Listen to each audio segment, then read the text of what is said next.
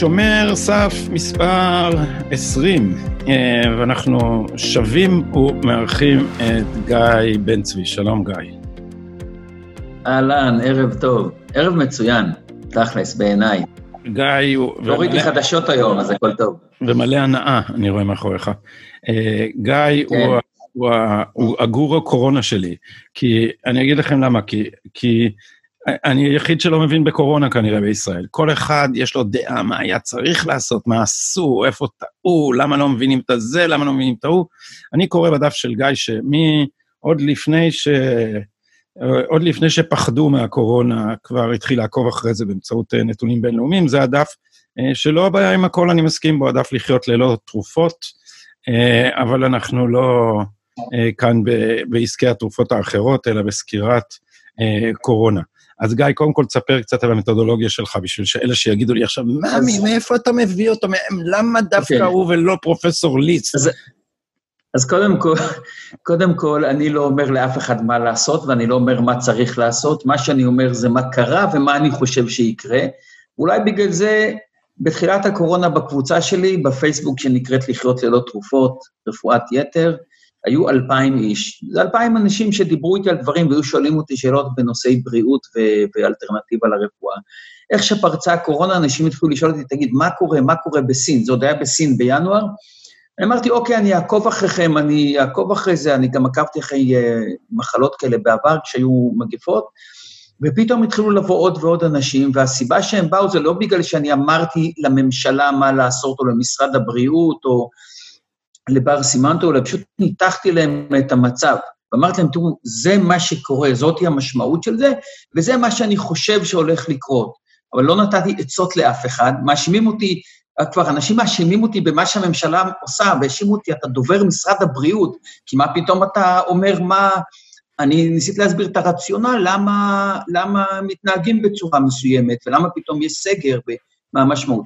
אז משם זה הגיע. עכשיו, היום אה, אנחנו ארבעה חודשים אחרי שהמגפה הזאת פרצה, יש כבר 5,500 חברים בקבוצה, שזאת אומרת ששלושת אלפים איש הצטרפו רק כדי לשמוע בעניין הקורונה. חדשות הקורונה של גיא בן צבי. חדשות הקורונה. עכשיו, בחודשים הראשונים, במרץ-אפריל, הייתי נותן כל יום בלוג על זה, כל יום כותב חמש דקות על קורונה, ואז אמרתי, טוב, זה שגרת קורונה, נמאס לי פעם בשלושה ימים. עכשיו, אם אני פעם בשלושה ימים לא מעלה את העדכון שלי, אז מתחילים לצעוק עליי, לשלוח לי בפרטי מה עם העדכון, אנחנו רוצים לדעת מה קורה. בין השאר גם אתה, גדי, שקצת סובל מחרדתיות, אז... אה, חושב שהיה לך שיעול בהתחלה, והיית בטוח שאתה חולה קורונה. אני עד עכשיו חושב שהיה לנו קורונה, לי ולאשתי, כי זה, היא הייתה עוד במסיבות פורים האחרונות שהיו, ו, וקצת אחרי זה, משהו כמו עשרה ימים אחרי זה, היא חלתה במחלה שלא הכרנו קודם, ואז אני, ומאז אנחנו לגמרי חסיני קורונה, מאז הקורונה לא העיזה לחזור לפה או משהו כזה. לפחות אתם חסינים פסיכולוגית, זה גם טוב, אה? אבל תשמע, אני אמרתי לך כל הזמן, אין חסינות בישראל, והחיפאים היו בטוחים, בגלל שיש להם איזו אפידמיולוגית בחיפה מטורללת, שבטוחים שכל חיפה חסינה, אני אמרתי לכם, אין יותר מאחוז אחד של חסינים בישראל, אין דבר כזה.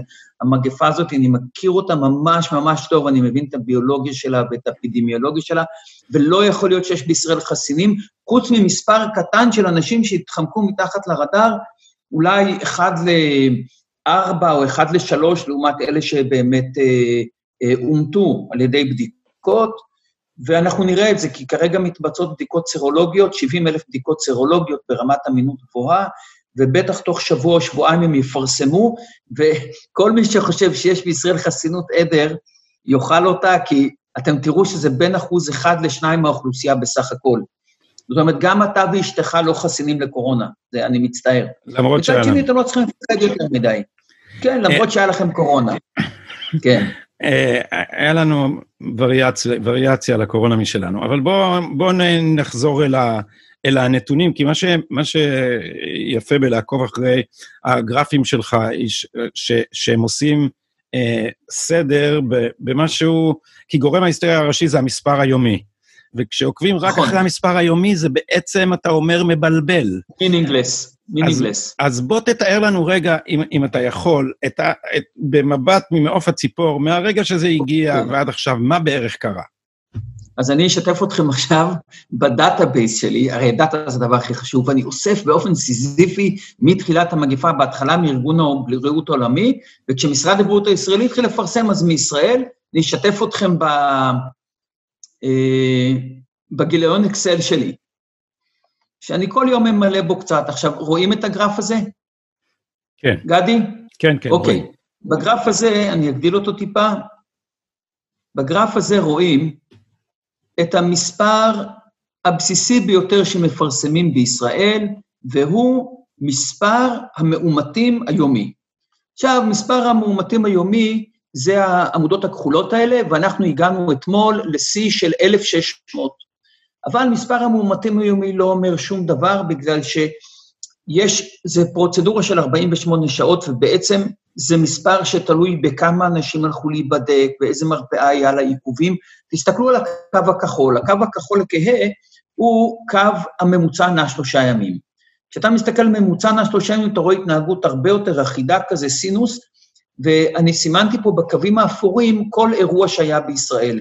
תסביר, עכשיו, תסביר לנו רק מה זה ממוצע נע למי שפחות אה, עוקב אחרי מתמטיקה. זה הממוצע של שלושת הימים, הממוצע של שלושת הימים האחרונים. אבל זה לא, זה חלוקה, זה לא חלוקה לחטיבות של שלושה ימים, אלא זה בכל יום אתה עושה את לא, לא. הממוצע לא, על השלושה ימים. כל יום זה ממוצע של שלושת הימים כן. האחרונים. כן. ככה, ככה נהוג לעשות את זה.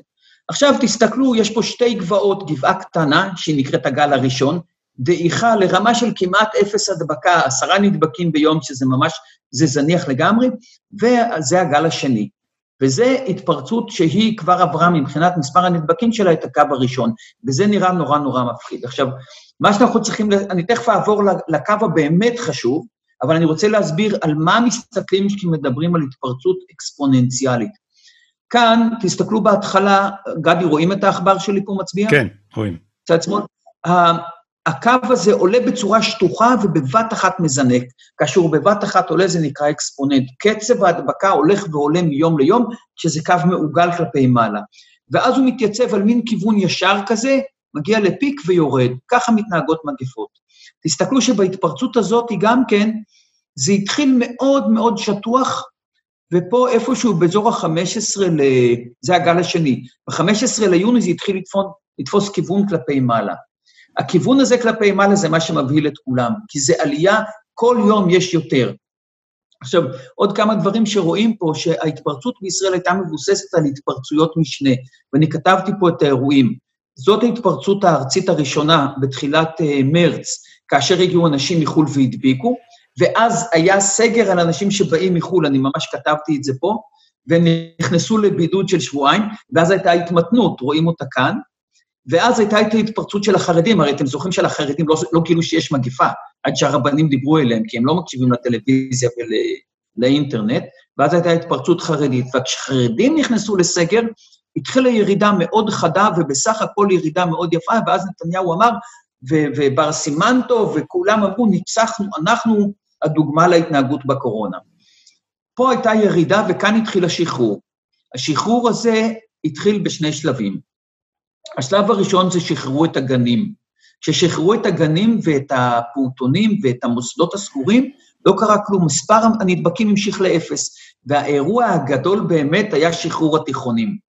שחרור התיכונים התחיל את כל המהלך הזה של ההדבקה, ילדים התגפפו אחד עם השני בבית ספר, כי התיכוניסטים זה לא כמו הילדים הקטנים, הם לא נשמעים, ובהפסקות הם התגפפו, הדביקו אחד את השני, הדביקו את המורים, והביאו את זה, או שאפילו כנראה מורים... זה, זה באמת נכון, גיא, ילדים בתיכון הם יותר uh, מעורבבים מילדים בגן עם, uh, לא יודע, כמו שאני מדמיין אותם, עם הנזלת וארגזי החול וה... תשמע, uh... אני, יש לי שני, יש לי, יש לי שלושה נכדים בגן, הם יושבים בכיתה, הם לא זזים מהכיסא, הם יושבים עם... לא הלכתי לראות, אבל הם מספרים לי הנכדים, לא בגן, בגן ובבית ספר יסודי. ו, והם פשוט מתנהגים לפי מה שאומרים להם, הם ממושמעים. אבל... והתיכוניסטים מתגפפים, מה זה אומר בדיוק? מתחבקים, נו, מתגפפים? מתחבקים אחד, מתמזמזים, אוקיי. מתמזמזים. כן, ממש אורגיה המונית וזה מה שקרה. ופה זה יצא מכלל שליטה. עכשיו, הדבר הזה בפני עצמו אותי אישית, זה לא משנה לי אם יש אלף נדבקים ביום או 200. אני רוצה להראות לך גרף הרבה יותר חשוב, שאני קורא לו גרף המוות. כן, אני כבר נתקלתי בתופעה המורבידית הזאת בעמוד שלך. כן, אוקיי. תסתכל על הגרף הזה. הקו הכחול הוא למעשה אותו קו של קודם, רק יותר, יותר uh, שטוח, כי הוא מסתכל על מספר החולים הפעילים. זה מספר האנשים החולים במדינת ישראל, כלומר, מנקים מזה את אלה שהחלימו, כי בסך הכל, אם אתה החלמת, אז כבר לא מעניין אף אחד, נכון? רק אם אתה חולה פעיל. ותסתכל על הקו השחור. הקו השחור הזה, זה לא החולים קשים, זה החולים קשים פלוס בינוניים. ולמה אני מתמקד מההתחלה על קשים ובינוניים? כי הם דורשים צוות רפואי רב שיטפל בהם. כשאדם יושב בבית חולים חולה קורונה והוא חולה קל, הוא לא מפריע לאף אחד. הוא לא דורש טיפול, בסך הכל מאכילים אותו ועוזרים לו קצת. כאשר הוא חולה בינוני, הוא דורש טיפול אינטנסיבי, אפילו שהמצב שלו לא מוגדר כקשה, ומדובר, לפי מה ששמעתי, על חמישה אנשי צוות לחולה.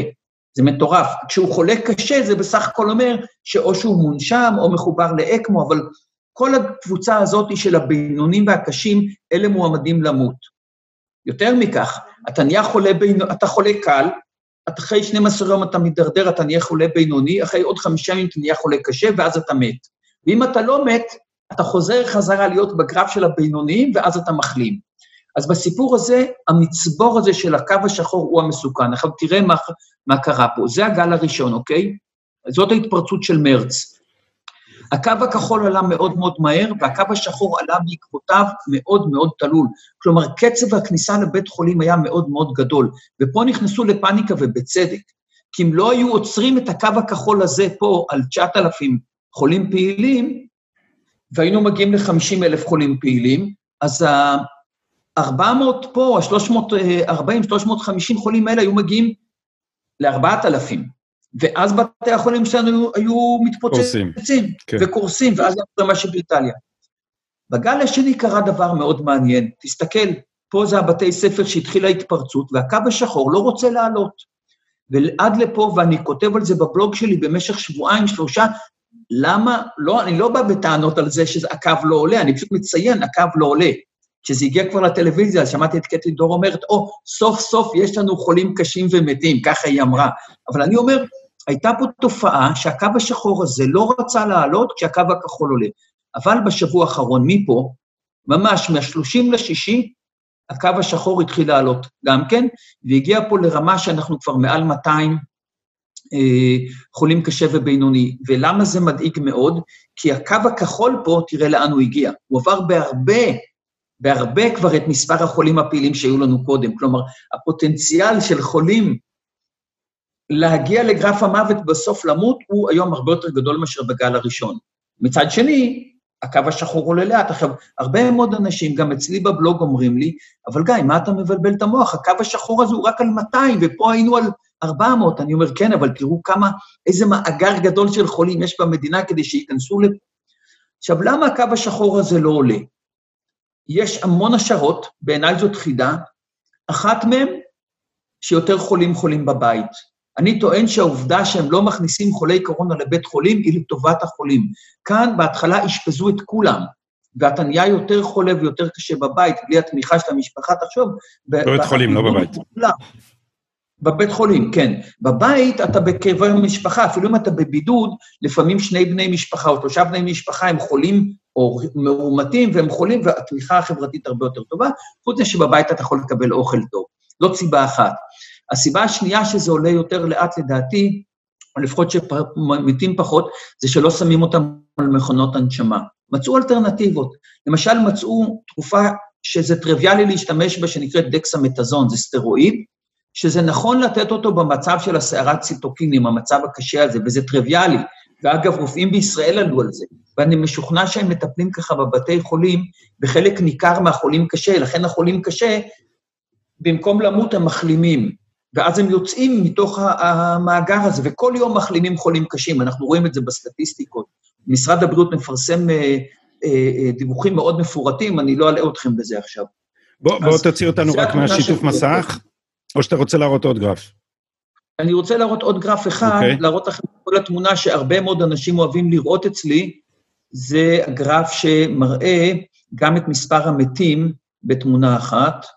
רגע, תכף אני אמצא אותו פה. אה, שמבחינת מספר המתים אנחנו במצב שהוא יחסית טוב, אבל גם הוא, יש לו פוטנציאל להידרדר. תכף אני אגדיל את זה קצת, ואז נראה את זה יותר טוב. הגרף הזה מסכם את אותם האירועים שהיו לנו בציר הזמן. אתם רואים, העמודים הכחולים האלה זה הגל הראשון שדעך והגל השני שעדיין אנחנו באמצע ההתפרצות. הקו הירוק זה המחלימים, וה, והעמודות האדומות האלה זה מספר המתים. עכשיו, תראו שמספר המתים עלה בצורה די מתונה, התייצב מאוד, כמעט לא מתו אנשים חודש וחצי, ועכשיו, ממש בימים האחרונים התחיל לעלות עוד פעם. כלומר, הקו האדום הזה של המתים, לא רק הקו השחור של אלה שמועמדים למות עולה, אלא גם הקו של האדום, ולכן לא צריך לזלזל בזה. מצד שני, עכשיו אני אפסיק את השיתוף מסך, לא, לא, ש, לא להסיח את דעתכם. אמ, אני חושב שלמדנו המון המון המון לקחים, ובאמת אני קראתי לדעתי לפחות 500 מחקרים על קורונה, ויצאו 2,000. אז קראתי המון מחקרים,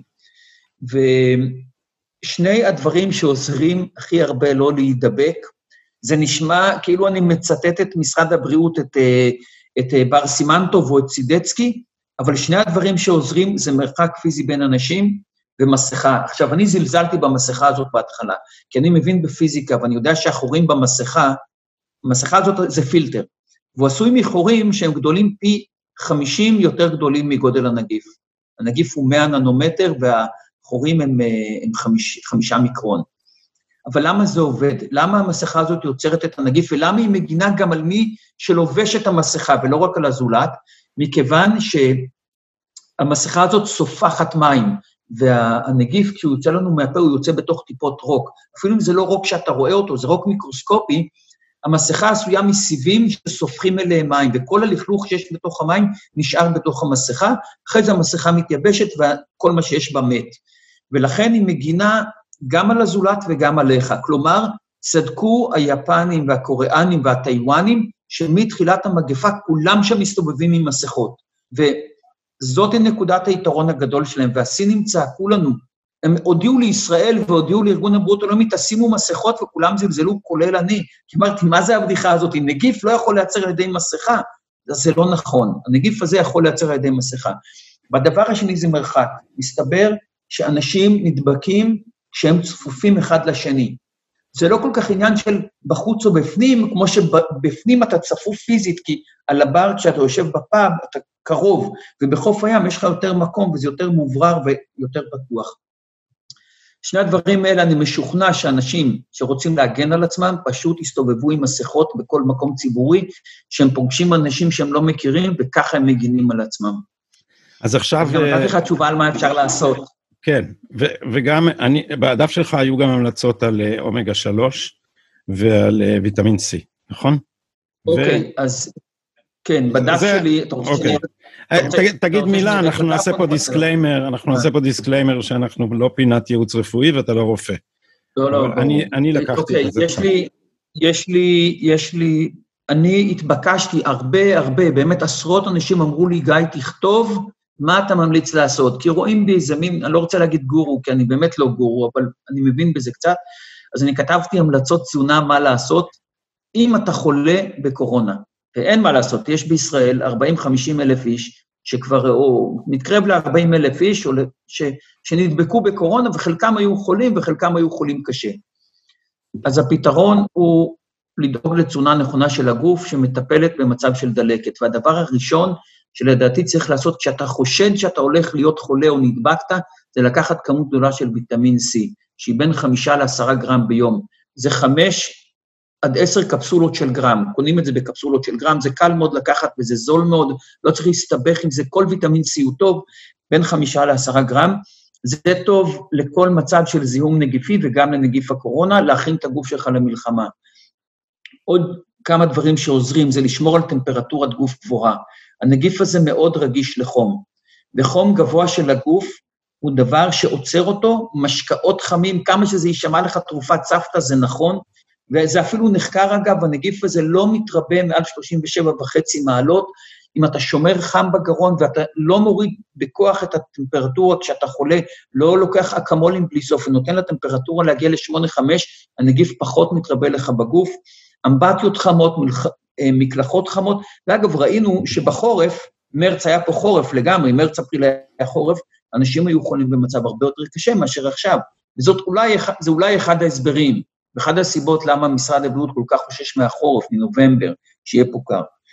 הדבר השלישי זה לקחת אומגה 3, שהיא מפחיתה את רמת התגובה האוטואימונית, כי אנחנו יודעים שלא הנגיף הורג. כל מכחישי הקורונה הם צודקים כשהם אומרים שלא הנגיף הורג. מה שהורג אותך בסוף זה תגובה אוטואימונית שהגוף מתקיף את עצמו, מתקיף את הריאות, כי הנגיף עורר תגובה אוטואימונית, רמה גבוהה של אומגה 3 מונעת את זה.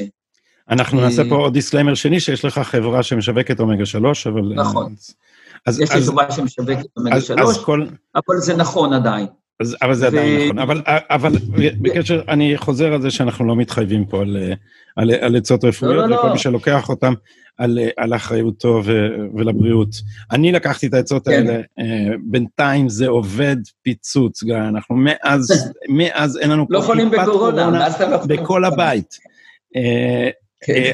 uh, אז לסיום, אה, בכל זאת אה, מבט אה, קדימה. ההתפרצות הזאת, מה לדעתך, לאן היא מוליכה אותנו ומה נצטרך לעשות? אני כל הזמן מנסה לפענח מתי תגיע התייצבות. כל ההתפרצויות בכל העולם עובדות אותו דבר.